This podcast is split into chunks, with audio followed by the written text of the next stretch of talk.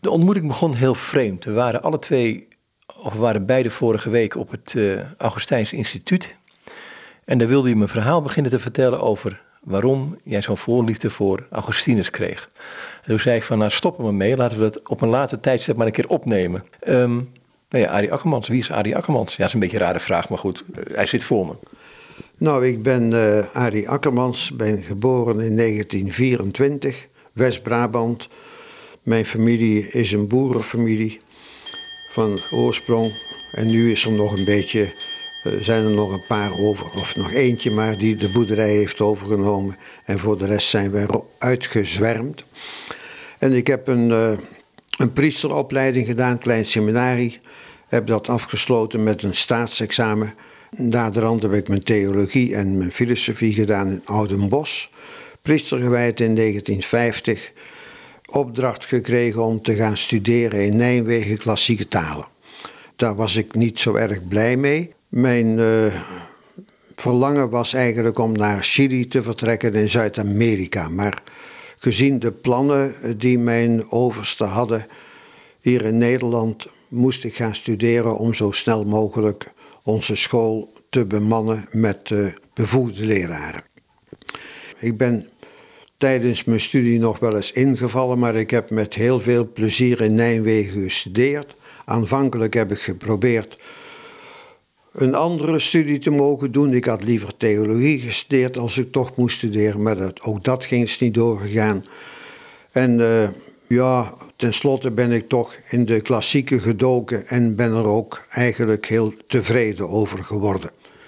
Even een vraag tussendoor stellen. Um, in Nijmegen gestudeerd, ja. dan heb je Frits van der Meer gekend waarschijnlijk. Ik heb Frits van der Meer wel gekend, ik heb hem ook wel zien lopen, maar uh, ik heb nooit zijn colleges gevolgd.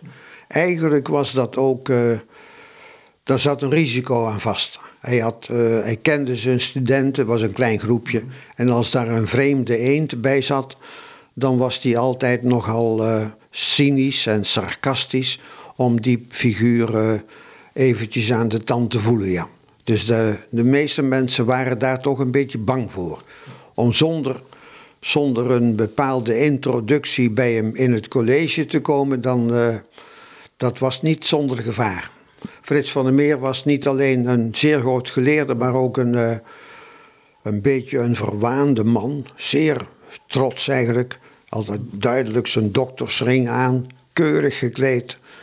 En uh, hij was wel bereid om uh, mensen min of meer voor schut te zetten, ja. nou ja, goed. Ik dacht, we gaan, we gaan naar Augustinus toe ja, zometeen. Ja, Nijmegen. U studeerde, of je studeerde daar. Um, in de eerste instantie tegen je zin. Ja. Maar uiteindelijk is het toch, heeft hij toch te pakken genomen. Ik heb verschillende auteurs van de klassieken die ik zeer graag lees. Tacitus, Virgilius, Horatius. Meest allemaal, uh, allemaal Latijn. Maar dat is door de omstandigheden gekomen dat ik op school veel Latijn heb gegeven. Maar ook Grieks heb ik heel, tenslotte met heel veel plezier gelezen, ja.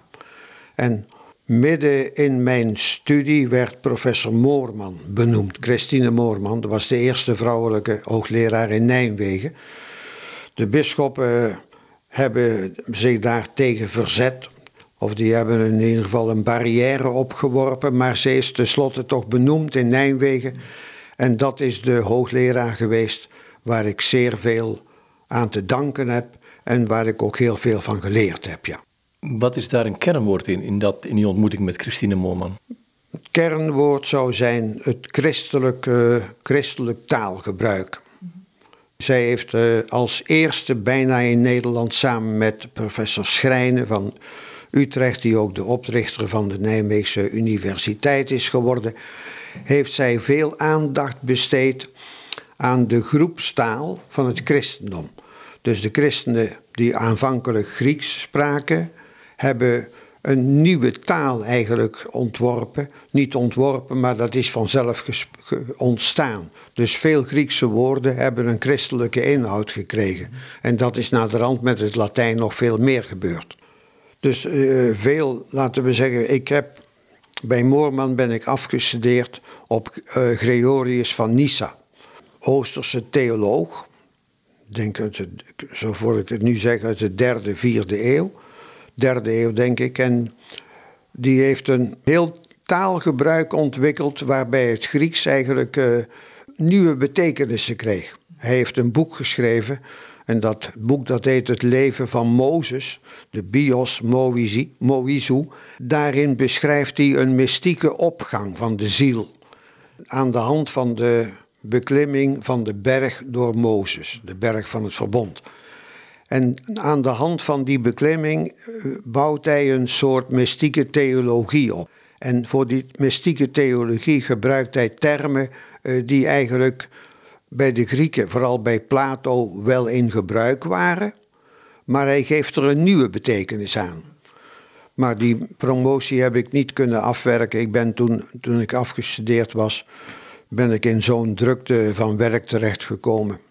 Jammer, hebben ze, ze, ze hadden mij beter een beetje vrij kunnen stellen. Dan had ik kunnen promoveren, maar dus dat is jammer genoeg niet doorgegaan.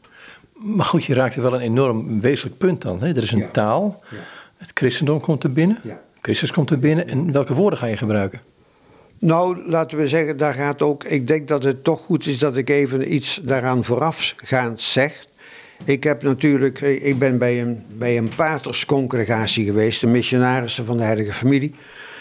Dan maak je een noviciaat. En tijdens dat noviciaat heb ik een boek gelezen van Louis Bertrand. Ik heb het hier liggen. En dat gaat over Augustinus. Dat is een vier romancé. Dat is echt een magnifiek boek wat over het leven van Augustinus gaat. Dat maakte op mij een zeer grote indruk. Naderhand ben ik dus in de in de opleiding gekomen uh, van filosofie en theologie. En in de theologie heb ik een hoogleraar gehad, een pater ook, uh, pater van Asseldonk, een kerkhistoricus. En die heeft mij in contact gebracht met de grote uitgaven van de christelijke vaders in het Grieks en in het Latijn van Minje. En toen ben ik ook ja, wat meer Augustinus gaan lezen. Bovendien trof het zo dat tijdens mijn groot seminarie werd er aan tafel soms een boek voorgelezen. En toen ik in Oudenbos op het groot seminarie was, werd er een boek voorgelezen van Frits van der Meer, Augustinus de Zielzorger. En dat was een, een buitengewoon boeiend boek, zo kwam het ook over, op ons over. Dus toen ik van dat seminarie afkwam, had ik al een grote een grote voorliefde voor Augustinus. En dat is eigenlijk toen ik uh, bij Moorman terecht kwam. In het eerste jaar zijn wij de Confessiones van Augustinus gaan lezen in, in, in de colleges. En dat heeft mijn aandacht en mijn toeleg op Augustinus zeer sterk vergroot. Die colleges, hè, dan wordt Augustinus gelezen. Ik denk, beter kun je het niet doen, denk ik. Maar goed, Waar ging het bij haar om bij het lezen van Augustinus? Nou, dan ging het om de taal. Het ging echt om de taal. Maar met de taal komt ook het andere binnen, maar zij voelde zich niet bevoegd om daar veel over te zeggen. Maar zij gaf de geschiedenis van de woorden weer, ja.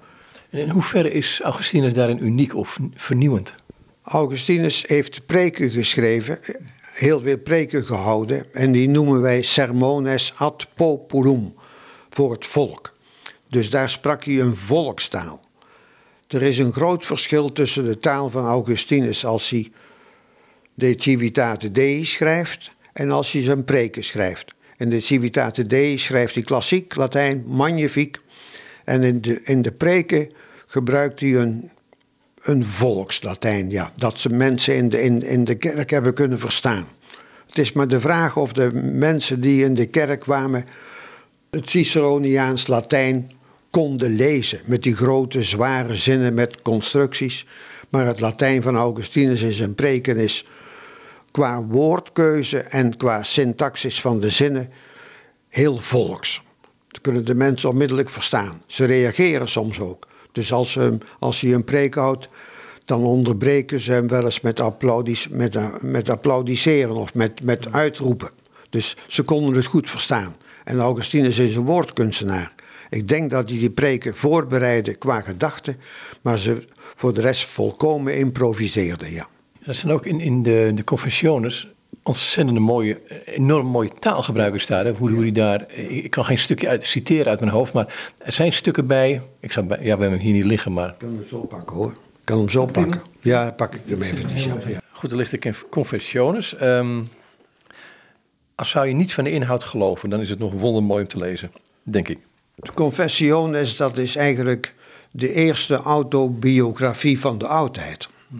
En dan een autobiografie die niet over, vooral over feiten gaat, maar over de emoties bij die feiten.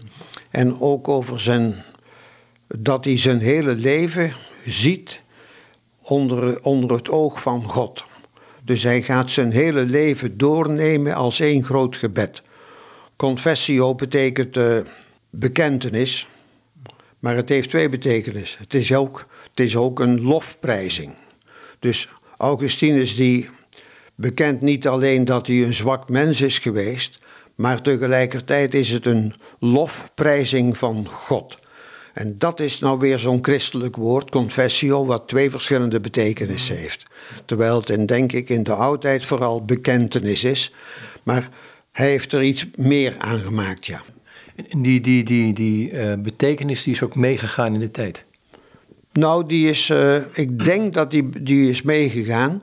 Maar ik denk dat pas ja, wat uh, in de tijd na de oorlog, toen ik studeerde, er meer aandacht voor die twee betekenissen was. En ik denk, maar ik durf dat niet met zekerheid te zeggen, dat Moorman daar een grote rol in heeft gespeeld, ja. Ik heb eigenlijk weinig gelezen over de confessiones voordat ik uh, met Moorman dat gelezen heb. Maar ik denk dat, dat zij uitdrukkelijk in onze colleges ons heel sterk onderhouden heeft over die dubbele betekenis van confessio. En het, als je het boek leest, is het één grote lofprijzing van God. En tegelijk is het ook een, uh, een bekentenis van zichzelf. Een klein stukje eruit, of een groot stukje? Ja, een klein stukje zal ik voorlezen, ja. Dat begin, het begin van boek 1. Groot bent u Heer, u komt alle lof toe. Groot is uw kracht. Uw inzicht is niet te meten. Nu wil een mens u prijzen een deeltje van uw schepping. Ja, een mens die zijn sterfelijkheid met zich meedraagt. Het bewijs van zijn zonde. Het bewijs dat u zich tegen de hoogmoedige keert. Toch wil hij u prijzen, deze mens, dit deeltje van uw schepping, en u zet hem aan daar vreugde in te vinden. Want zo hebt u ons geschapen, gericht op u en ons hart kent geen rust tot het rust vindt in u. Laat mij weten en begrijpen, Heer, wat eerder is, u inroepen of u prijzen, en of u kennen voorafgaat aan uw inroepen. Maar u inroepen zonder u te kennen, dat kan toch niet? Zonder van u te weten, zou men iets anders kunnen inroepen in plaats van u. Of moeten wij u juist inroepen om u te leren kennen? Maar hoe iemand inroepen als men, hem niet, als men niet in hem gelooft? En kan men in iemand geloven zonder over hem te horen? Zij die hem zoeken, brengen lof aan de Heer. Hem zoeken is hem vinden, en hem vinden is hem prijzen. Heer, ik wil u zoeken met mijn roepen en u inroepen met mijn geloof in u, want u bent mij verkondigd. Heer, tot u roept het geloof dat u mij hebt gegeven en dat u mij hebt ingegeven door de mensheid van uw zoon, door de dienst van uw verkondiger. Het is vooral die ene passage, ons hart is zonder rust, ons hart is alleen rustig als het rust vindt in God.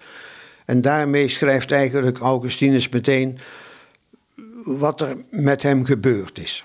Maar het is of je naast hem zit, hè? Als je, als je het leest zo. Het is, het is, of het nu is. Ja. Ik denk dat ik eens even moet kijken naar het boek. Uh, vind ik een van de mooiste boeken. Uh, want, want, toen je dit voor het eerst hoorde, dat, dat begin van die confessiones door uh, nou, dat weet ik Moorman. Nee, nee? Nee, dat, dat, dat weet ik niet meer. Ik heb Ik ben eigenlijk gewend Augustinus te lezen in het Latijn. En uh, ja, ik, ik wil toch eventjes, zonder daar uh, flauwekul van te maken en daar trots op te zijn, dat eerste stukje van, van, van de Confessiones, dat is zo groot. Magnus es Domine et laudabilis valde. Magna virtus tua et sapientiae tuae non est numerus. Et laudare te vult homo, aliqua portio creature tuae. Et homo circum ferens mortalitatem suam, circum ferens testimonium peccatis sui, et testimonium quod quia superbis resistis, et tamen laudare te vult homo, aliqua portio creature tue. Nou, dat is, dat, is, dat is poëzie. Tegelijkertijd zitten er in dat eerste stukje al een stuk of drie psalmen. Augustinus schrijft een taal waarin de psalmen opgenomen zijn. Hij noemt ze niet, maar hij, hij, hij citeert gewoon al als schrijvende, ja. Wat mij ook opvalt hè, in, in beide vertalingen, met Latijn is... Uh, ik denk een stukje uit Olibebon en misschien iets uit het Oude Testament, maar meer ook niet. Ja, of het is uh, ooit een keer vertaald gekregen. Um, maar als ik dit, dit hoor, dan denk ik, ja, het is ook het is in die relatie met God en tegelijkertijd is het was van, bijna was van theologie, of nee dat moet ik niet zeggen, eigenlijk was van dogmatiek. Is, ja, ik denk dat Augustinus in de Confessiones geen dogmatiek heeft. Anders moet ik zeggen dat ik me wel eens aan hem erger dat hij nogal dogmatisch kan zijn. Maar in die Confessiones is hij denk ik volkomen eerlijk. Hè? Dus uh, hij heeft gewoon ook willen laten horen dat hij. Dat die confessiones heeft hij geschreven, toen was hij al bisschop. En dat heeft hij dus waarschijnlijk gedaan om de mensen die ook uh, misschien wel zeiden: Nou ja, die man die heeft toch vroeger anders geleefd. Om daar een klein beetje antwoord op te geven. Wie ik ben, ik ben een sterfelijk gewoon mens. Ja, ja.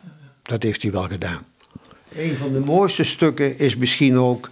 Uh, datgene wat hij, uh, wat hij vertelt over zijn bekering. Laat ik dit zeggen. Augustinus is begonnen.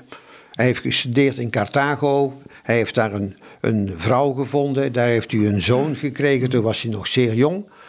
Toen is hij uh, les gaan geven in Carthago. Dat ging heel slecht. Hij kon geen orde houden. Het was één grote troep.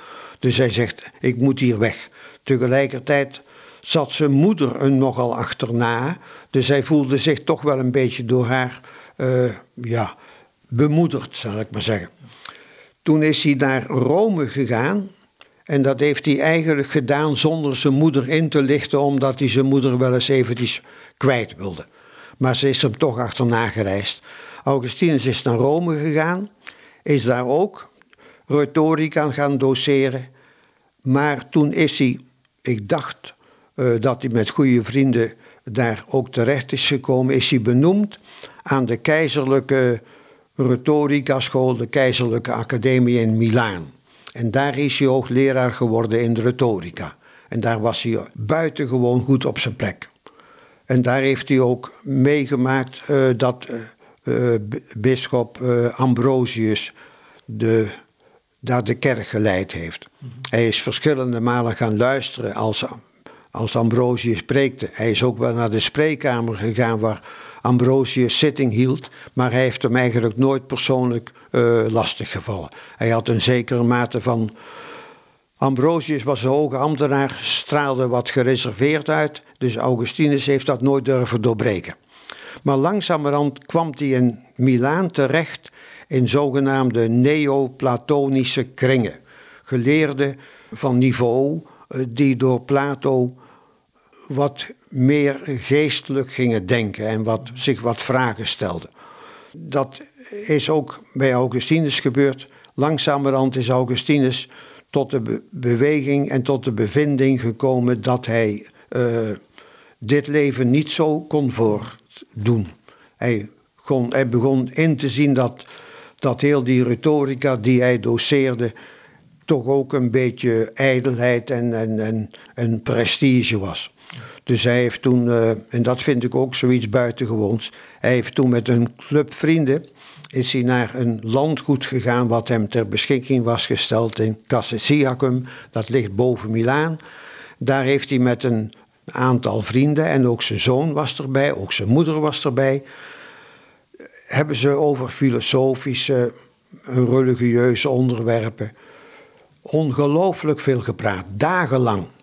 En ik denk dat daar veel gebeurd is. Daar, daar doet Augustinus ook verslag van in zijn filosofische geschriften.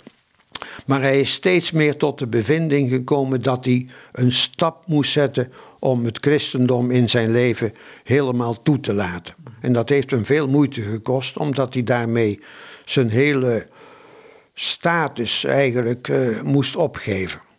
Maar tenslotte kreeg hij een keer bezoek.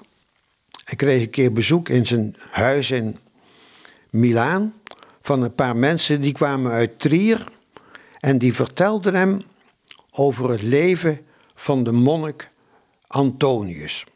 Athanasius, bisschop van, van, van, van, uh, van Alexandria, heeft een leven geschreven over, over de kluizenaar Ambro, uh, Antonius. Dat boek heeft een geweldige grote invloed gehad. Maar goed, die mensen die uit Trier bij Augustinus langskwamen, vertelden hem over het leven van de heilige Antonius. Dat maakte op Augustinus een geweldig grote indruk. En toen is hij toch in een zekere mate van, ja, van de laatste strijd gekomen. Hij heeft zich geconfronteerd met de gedachte: waarom kunnen zij het wel en waarom kan ik het niet? En dan loopt hij zijn tuin in en dan krijgt hij een soort, een soort ervaring die hij in het, negende boek vertelt. En dat wil ik even voorlezen. Ja.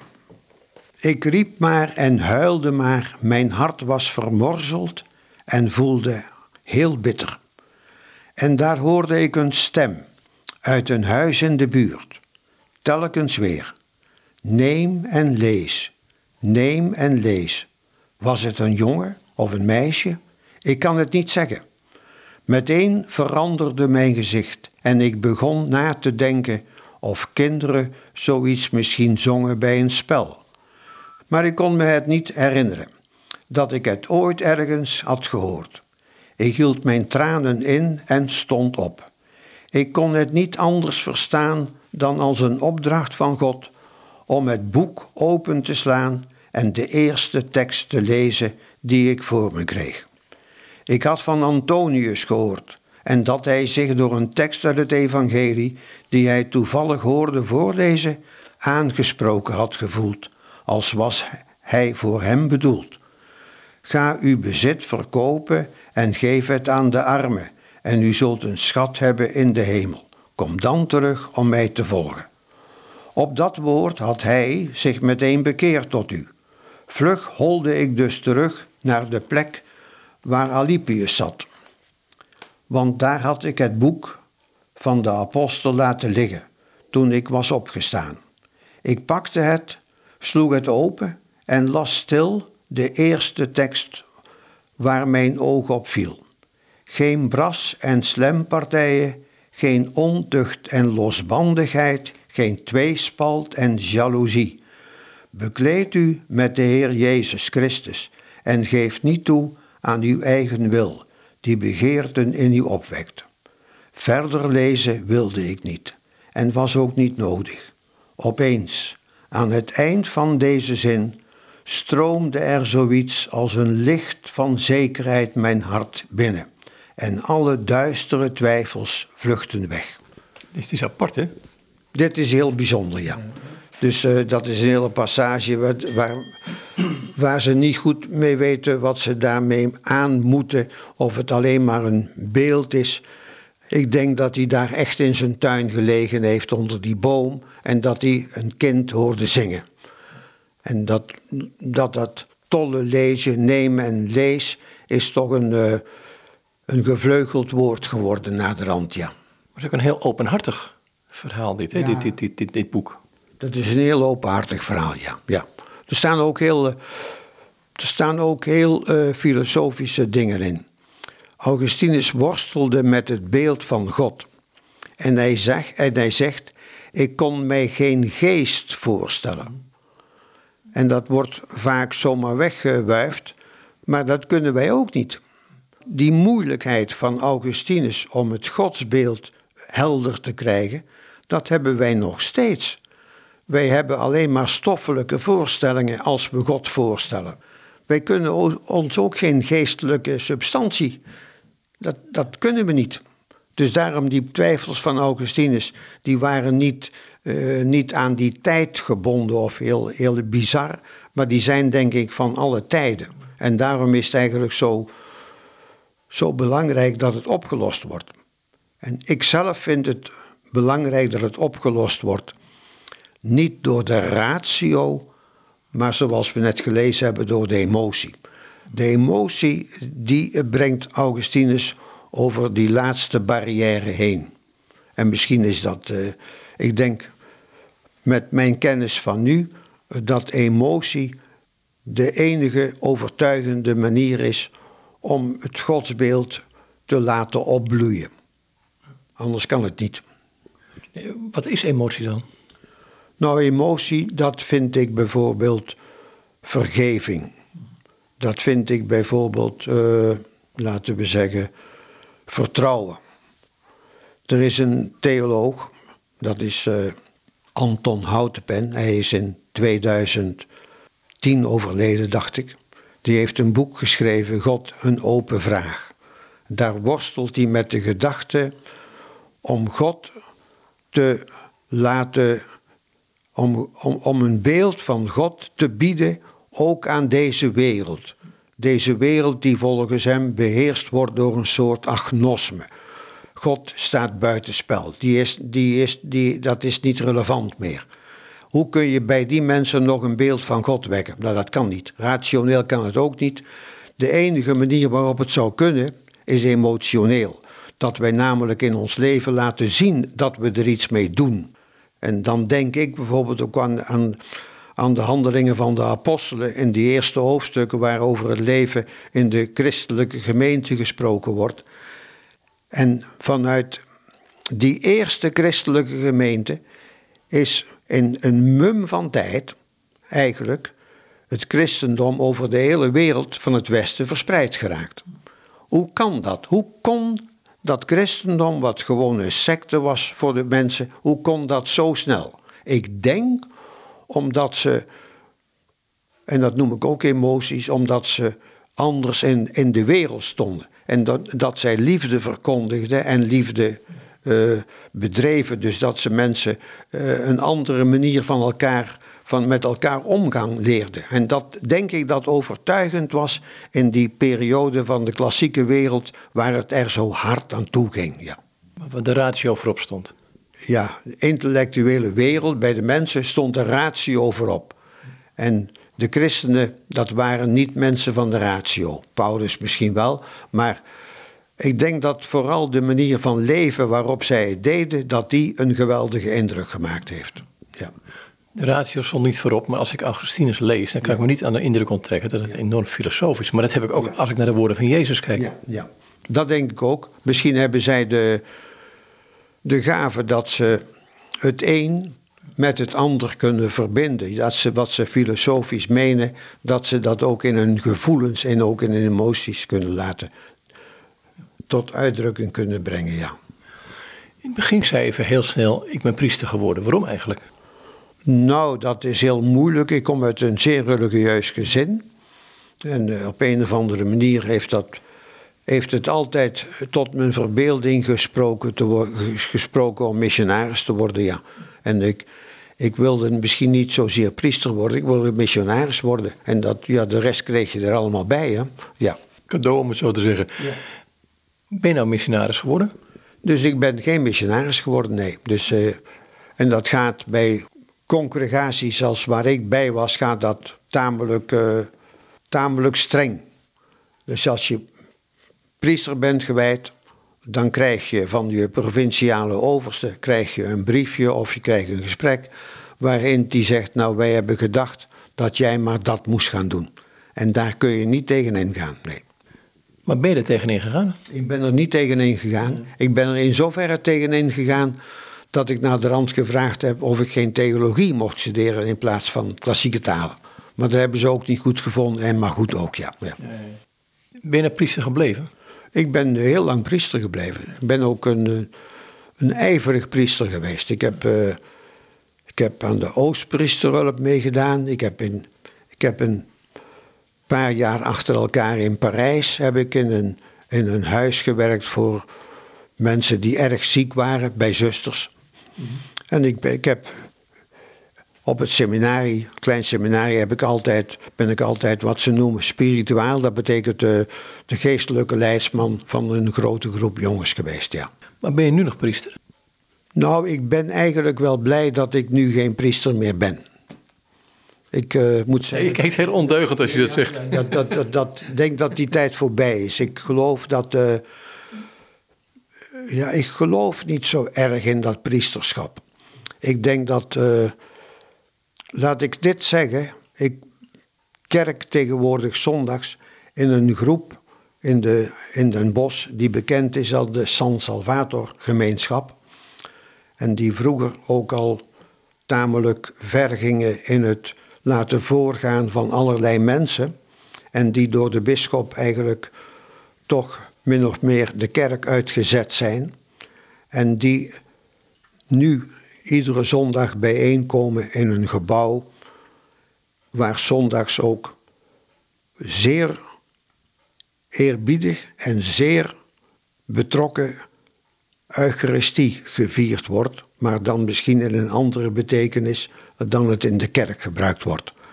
Ik moet zeggen, ik ben daar vroeger geweest, toen ben ik er een tijdje weg geweest. Ik ben er nu weer teruggekomen en ik moet, als ik dit laatste halve jaar bekijk, gaat van die groep zeer veel inspiratie uit.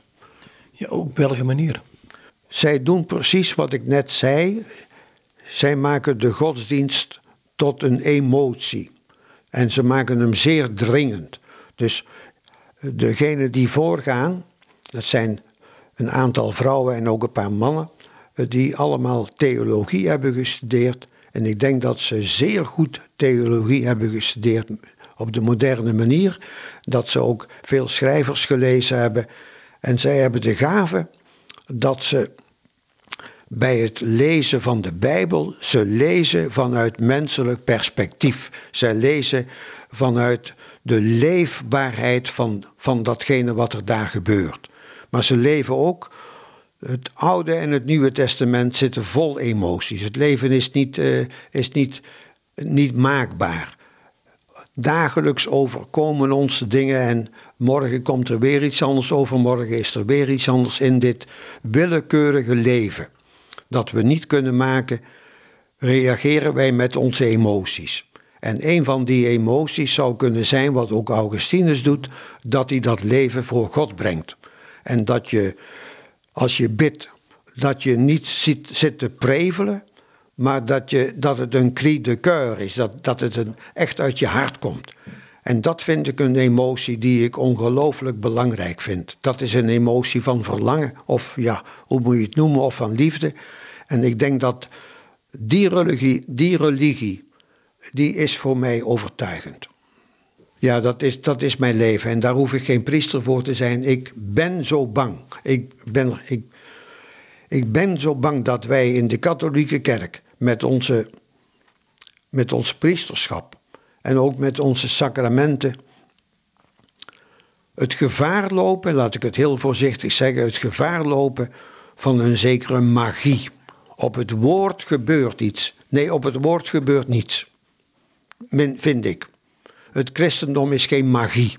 En ik denk ook niet, ik weet ook niet precies, want ik heb geen theologie gestudeerd, maar wanneer heel die, die, die verschrikkelijke dogmatiseringen tot stand zijn gekomen. En ja, dat is natuurlijk afschuwelijk, hè. Als ik naar terug naar, naar het stukje uit de confessiones, die twee stukjes, dan denk ik, ja, dit is zo ook een moderne woord, relationeel, maar in, in die zin van hij, is in, hij staat in contact met. Um, u noemt vergeving, of je noemt vergevingengevoel. Um, dus hij beseft in, in zijn totale mens zijn dat hij met een ander in contact is die groter dan hij is. Ja, dat heeft hij zeker, ja. ja. Hij brengt alles wat hij, bijna al zijn hoofdstukken beginnen met God aan te roepen. En dat constant niet. Hier hebben we niet de God eh, van de. Ja, die, die, die, gaatjes moet vullen, maar het is de God waarin we ons kunnen verliezen. En uh, ja, Augustinus zegt: waar moeten we God zoeken? Op de eerste plaats diep in jezelf. Dus in jezelf vind je God. En dat, dat, dat, dat vind ik zo'n ongelooflijk belangrijke uitspraak. Uh, dat zijn we al vergeten. Ja, God is je dichterbij dan je jezelf kent. Hè? Dat, dat, die, die, die, dat heeft hij gezegd, ja. ja, ja. Dat heeft hij ook in het eerste, dat is ook het eerste boek waar hij dat zegt. Als ik het gauw kan vinden, weet ik niet hoor. Maar, uh... Nou, het hoeft niet gauw als het maar te vinden is. Ja, ja, het is te vinden, moet te vinden zijn. Tot voor kort was de beste vertaling van Gerard Weideveld. Mm -hmm. Maar nu is er eentje van Wim Sleddens, een pater Augustijn, die is uitstekend. Dat is een uitstekende vertaling. Misschien dat het hier in de buurt zit. Wie kan mij tot rust laten komen in u? Wie kan u binnen laten komen in mijn hart en het zo dronken maken dat ik mijn kwaad vergeet en u omhels, mijn enig goed? Wat bent u voor mij? Geef genadig dat ik het kan zeggen. Wat ben ik voor u, dat u door mij bemind wil worden? Dat u zelfs boos wordt als ik dat niet doe en mij dan de grootste ellende in het vooruitzicht stelt. Of is het niet erg als ik u niet bemin? O God, Heer, mijn God, bij uw barmhartigheid, zeg mij wat u voor mij bent. Zeg tegen mijn ziel, ik ben het die je redt. Zeg het zo dat ik het hoor. Zie de oren van mijn hart voor u, Heer. Open ze en zeg tegen mij, ik ben het die je redt. Dan zal ik de stem volgen en mij aan u vastklampen. Verberg uw gezicht niet voor mij. Ik wil sterven om niet te sterven en te mogen zien. Het huis van mijn ziel is te klein om u binnen te laten. Maak het ruimer. Het is vervallen. Bouw het weer op. Er is heel wat dat uw ogen zal kwetsen. Ik beken het, ik weet het. Maar wie zal het reinigen? Dus wie anders kan ik roepen dan tot u? Heer, zuiver mij van mijn verborgen zonde en spaar uw dienaar voor het kwaad van anderen. Ik blijf vertrouwen. Daarom kan ik spreken. U weet het, Heer. Heb ik tegenover u niet getuigd van al mijn zonden, mijn God, en hebt u mij niet vergeven? Ik ga geen rechtszaak beginnen tegen u, want u bent de waarheid. Ik wil mezelf ook niet misleiden en mijn zonden minder erg voorstellen. Ik ga geen geding met u aan, Heer, want als u de zonden blijft gedenken, wie houdt dan stand? Dus dat ook voortdurend dat bekennen van zijn zondigheid. Voor veel mensen is dit de minder mooie kant van Augustinus, uh, dat hij ons ingepeperd heeft dat we zondaars zijn. Maar ik denk dat hij ook altijd een, een opening heeft gehouden naar God toe. Daar spreekt het wel uit. Ik vind, het twee mooie termen in zitten, wat, wat je net zei. Je verliezen in God, dat doet hij. Ja. En ik moet denken aan wat een oude Jezuïet me ooit een keer zei. Hij zegt, Joop, zegt hij, uh, verkwist je leven maar van God. Dat is prachtig, ja. Dat is prachtig. Ja, dat heeft Augustinus ook gedaan. Augustinus was eigenlijk een man van de bezinning, de stilte. En hij is, uh, hij is eigenlijk, ja, hij is gedwongen om bischop te worden. Hè?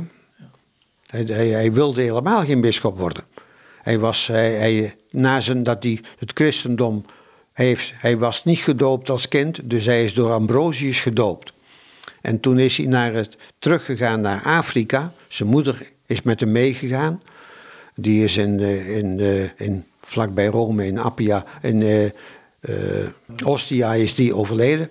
Toen is Augustinus teruggegaan naar zijn geboorteplaats. En daar heeft hij ook in Tagaste heeft hij een klooster gesticht.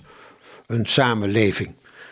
Toen is hij een keer op bezoek gegaan naar Hippo. Want er was iemand die had belangstelling voor zijn groep om erbij te komen. En in Hippo heeft Augustinus toen uh, ja, wat afgewerkt. En hij is zondags naar de kerk gegaan. En toen was er in Hippo een oude bisschop, Valerius. En die uh, was een hele aardige, geschikte man. Maar hij sprak slecht Latijn, hij sprak eigenlijk Grieks, was een Griek. En, en toen Augustinus in de kerk was, toen begon Valerius te zeggen dat hij onderhand zo oud was dat hij wel graag onderhand een andere, een, een bischop erbij zou willen hebben die hem kon helpen. En toen zagen de mensen Augustinus in de kerk zitten en hebben ze hem onmiddellijk gepakt en hebben ze hem naar voren toe gebracht. En hebben tegen de bisschop gezegd: Hier is hij, dit is het nieuwe bisschop. Augustinus huilde toen hem dat overkwam. Maar eh, ja, toen is, hij als, toen is hij eigenlijk binnengehaald als bisschop van Hippo. Geen spijt van gehad? Heeft hij geen spijt van gehad, maar zijn leven is wel definitief veranderd, ja. ja. Ik moet denken aan de man waar ik nu mee zit te praten, die missionaris wilde worden en uiteindelijk dat ook niet werd. Ja, ja dat is waar, dat is, maar ik, dat, is, het is, dat is te dramatisch voor mij. Ik heb, het, ik heb het makkelijker gehad, ja. ja, ja. Ik heb ook, ik ben als leraar altijd heel, ik heb het goed gemaakt als leraar. Ik heb, uh, het ging goed met, met de leerlingen. Naderhand is onze school een openbare school geworden. In Vught, een grote school, Maurik College. En daar heb ik ook nog een jaar of vijftien les gegeven nadat we het seminarie opgedoekt hebben. En ik heb daar met heel veel plezier les gegeven. En onder mijn leerlingen heb ik nog veel vrienden die ik regelmatig zie. Ja. ja. En je vertaalt nog steeds mee met, uh, ik weet laatst met uh, uh, Laurentius, een boekje over Laurentius, maar ook over Augustinus. Ja, nou, ik heb nog een klein projectje van Augustinus, maar dan stop ik ermee. Want mijn geest wordt ook wat trager. En ik ben gisteren toevallig naar Oosterbeek geweest, waar een mevrouw woont die met mij samen vertaald heeft al de werken die wij gedaan hebben. En zij is bereid ook nog het laatste projectje door te nemen. En dat is een briefwisseling van Augustinus met een kring van heidenen voor het grootste deel in Carthago een soort filosofische kring, een soort probesgemeenschap, probesclub. En die hebben een aantal vragen aan Augustinus voorgelegd en die gaat hij beantwoorden in zijn brieven. Het zijn een stuk of zes brieven en die willen we nog vertalen. Als je, als je, als je nou terugkijkt op je leven, hè, het gaat over je bent priester geworden, vertaalwerk gedaan, doe nog steeds vertaalwerk.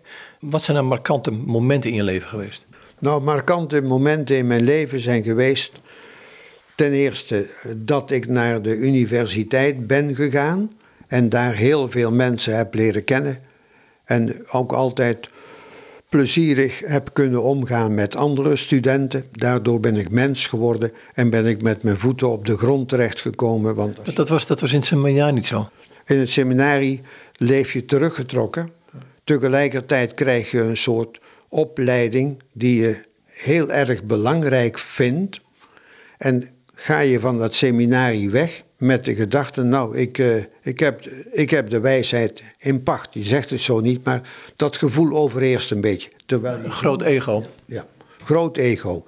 En uh, denk dat je alles zo ongeveer kunt zeggen en weten. Dus je bent zo groen als gras en je gaat dat ga je afleren. Ik ben niet sterk ontgroend in Nijmegen, dat hoefde op mijn leeftijd niet meer. Maar ik ben wel gewoon mens geworden, ja. Dus die mensen die jou dus geen missionaris lieten zijn, maar daarin sturen, hadden eigenlijk misschien wel een, een toch wel zicht op de, op de situatie. Ja, daar moet ik heel dankbaar voor zijn. Ja. Ben ik ook heel dankbaar voor. Daardoor is mijn leven heel anders gaan lopen, ja. Tweede moment? tweede moment is dat ik in 1974 ben ik getrouwd met Ada Scholte. Mhm. En dat is, uh, daardoor is mijn leven nog veel menselijker geworden. En uh, heb ik ook, uh, ja, dat heeft veel troost en veel vreugde gegeven. We hebben het goed gehad, buitengewoon goed gehad. En jammer genoeg is mijn vrouw in 1998 aan kanker overleden. En ze was nog pas 57 jaar, ja. Gaf het commotie, een priester die ging trouwen? Dat heeft wel commotie gegeven. Maar sommigen hebben dat, eh, hebben dat met een geweldig groot gemak gedaan. Hebben met, met een gemak overeengeleefd. Kleine anekdote, ik was nogal bevriend met monseigneur Jan Bluisen. En hij kwam een keer in, ik kwam hem een keer in de stad tegen. En toen zei hij tegen mij, dag pater Akkermans. En toen zei ik, Jan, dat is al een tijdje geleden, hè? maar dat, dat speelde dus eigenlijk geen rol. Ook een van de personen die in mijn leven een zeer grote rol gespeeld hebben. Monseigneur Bluisen. Een buitengewone bisschop, ja. ja. Op welke manier? Nou, hij heeft, ik denk dat hij ervoor gezorgd heeft dat ik dispensatie heeft gekregen. En hij heeft mij nooit op een of andere manier laten merken uh, dat hij me dit kwalijk genomen heeft. Ik heb veel contact met hem gehad. Het is ook een geweldige vereerder en kenner van Augustinus geweest. En op dat vlak heb ik ook vaak contact met hem gehad. Goede klaar hierbij, hartelijk dank. Ja. Fijn, dankjewel.